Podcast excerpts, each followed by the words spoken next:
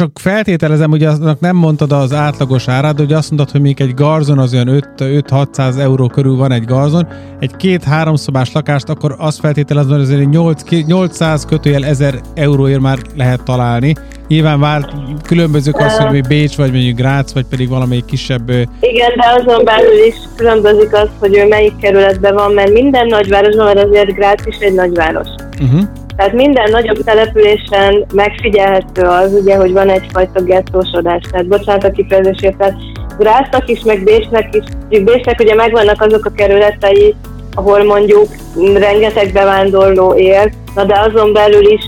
vannak azok a kerületek, ahol mondjuk azok élnek, akik azért már jó anyagi körülmények között vannak, vannak, akik még nagyon ugye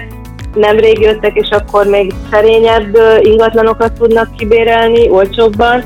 és ez megtalálható ez a jelenség, ugye például nálunk Gázban is, hogy vannak olyan részei a városnak, ahol mondjuk inkább olcsóbbak a lakások, de akkor ott jellemzően tényleg nagyon-nagyon sok bevándorló él, de ott is a bevándorlóknál is ugye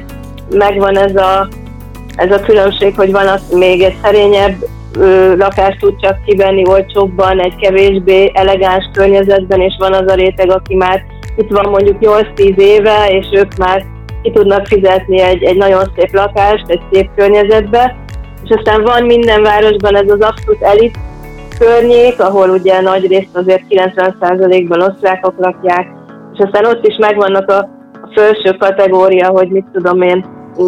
villák, meg, meg, meg csodálatos, hatalmas családi házak, tehát ez, ez minden városban megfigyelhető. De most egy átlagot mondok, tehát mondjuk egy olyan uh, részen, ahol jó környék, szép környék, élhető környék, akár családosoknak is nyugodtan le lehet a gyerekeket engedni, és, és zöldövezetes mondjuk, uh, ott mondjuk egy családi otthonér, ami három-négy szobás,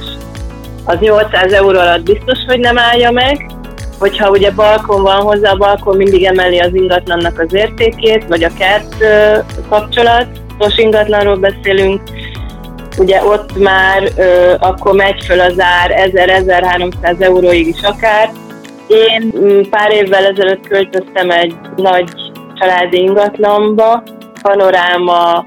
hegyre kitekintős, balkonnal, mindennel, közel 100 négyzetméter, ezért fizettem én annak idején egy három éve olyan 1300 euró körüli bérleti díjat. Uh-huh. De akkor... nyilvánvaló, hogy ezt ki kell tudni fizetni. Igen, de akkor azt Tehát... nagyjából kijelenthetjük, hogyha van mondjuk egy pár, akik megkeresik a 3000 eurót, mondjuk Grácsban, ha, ha, ha Grácsra igaz mondjuk ez a, a futárkodó 1600 euró, meg mondjuk a takarító 1200 tehát akkor a 3000 euróból azért 1000, tehát 1000 euró környékén azért találnak maguknak olyan szállást, ahol egy pár kényelmesen el tud lenni,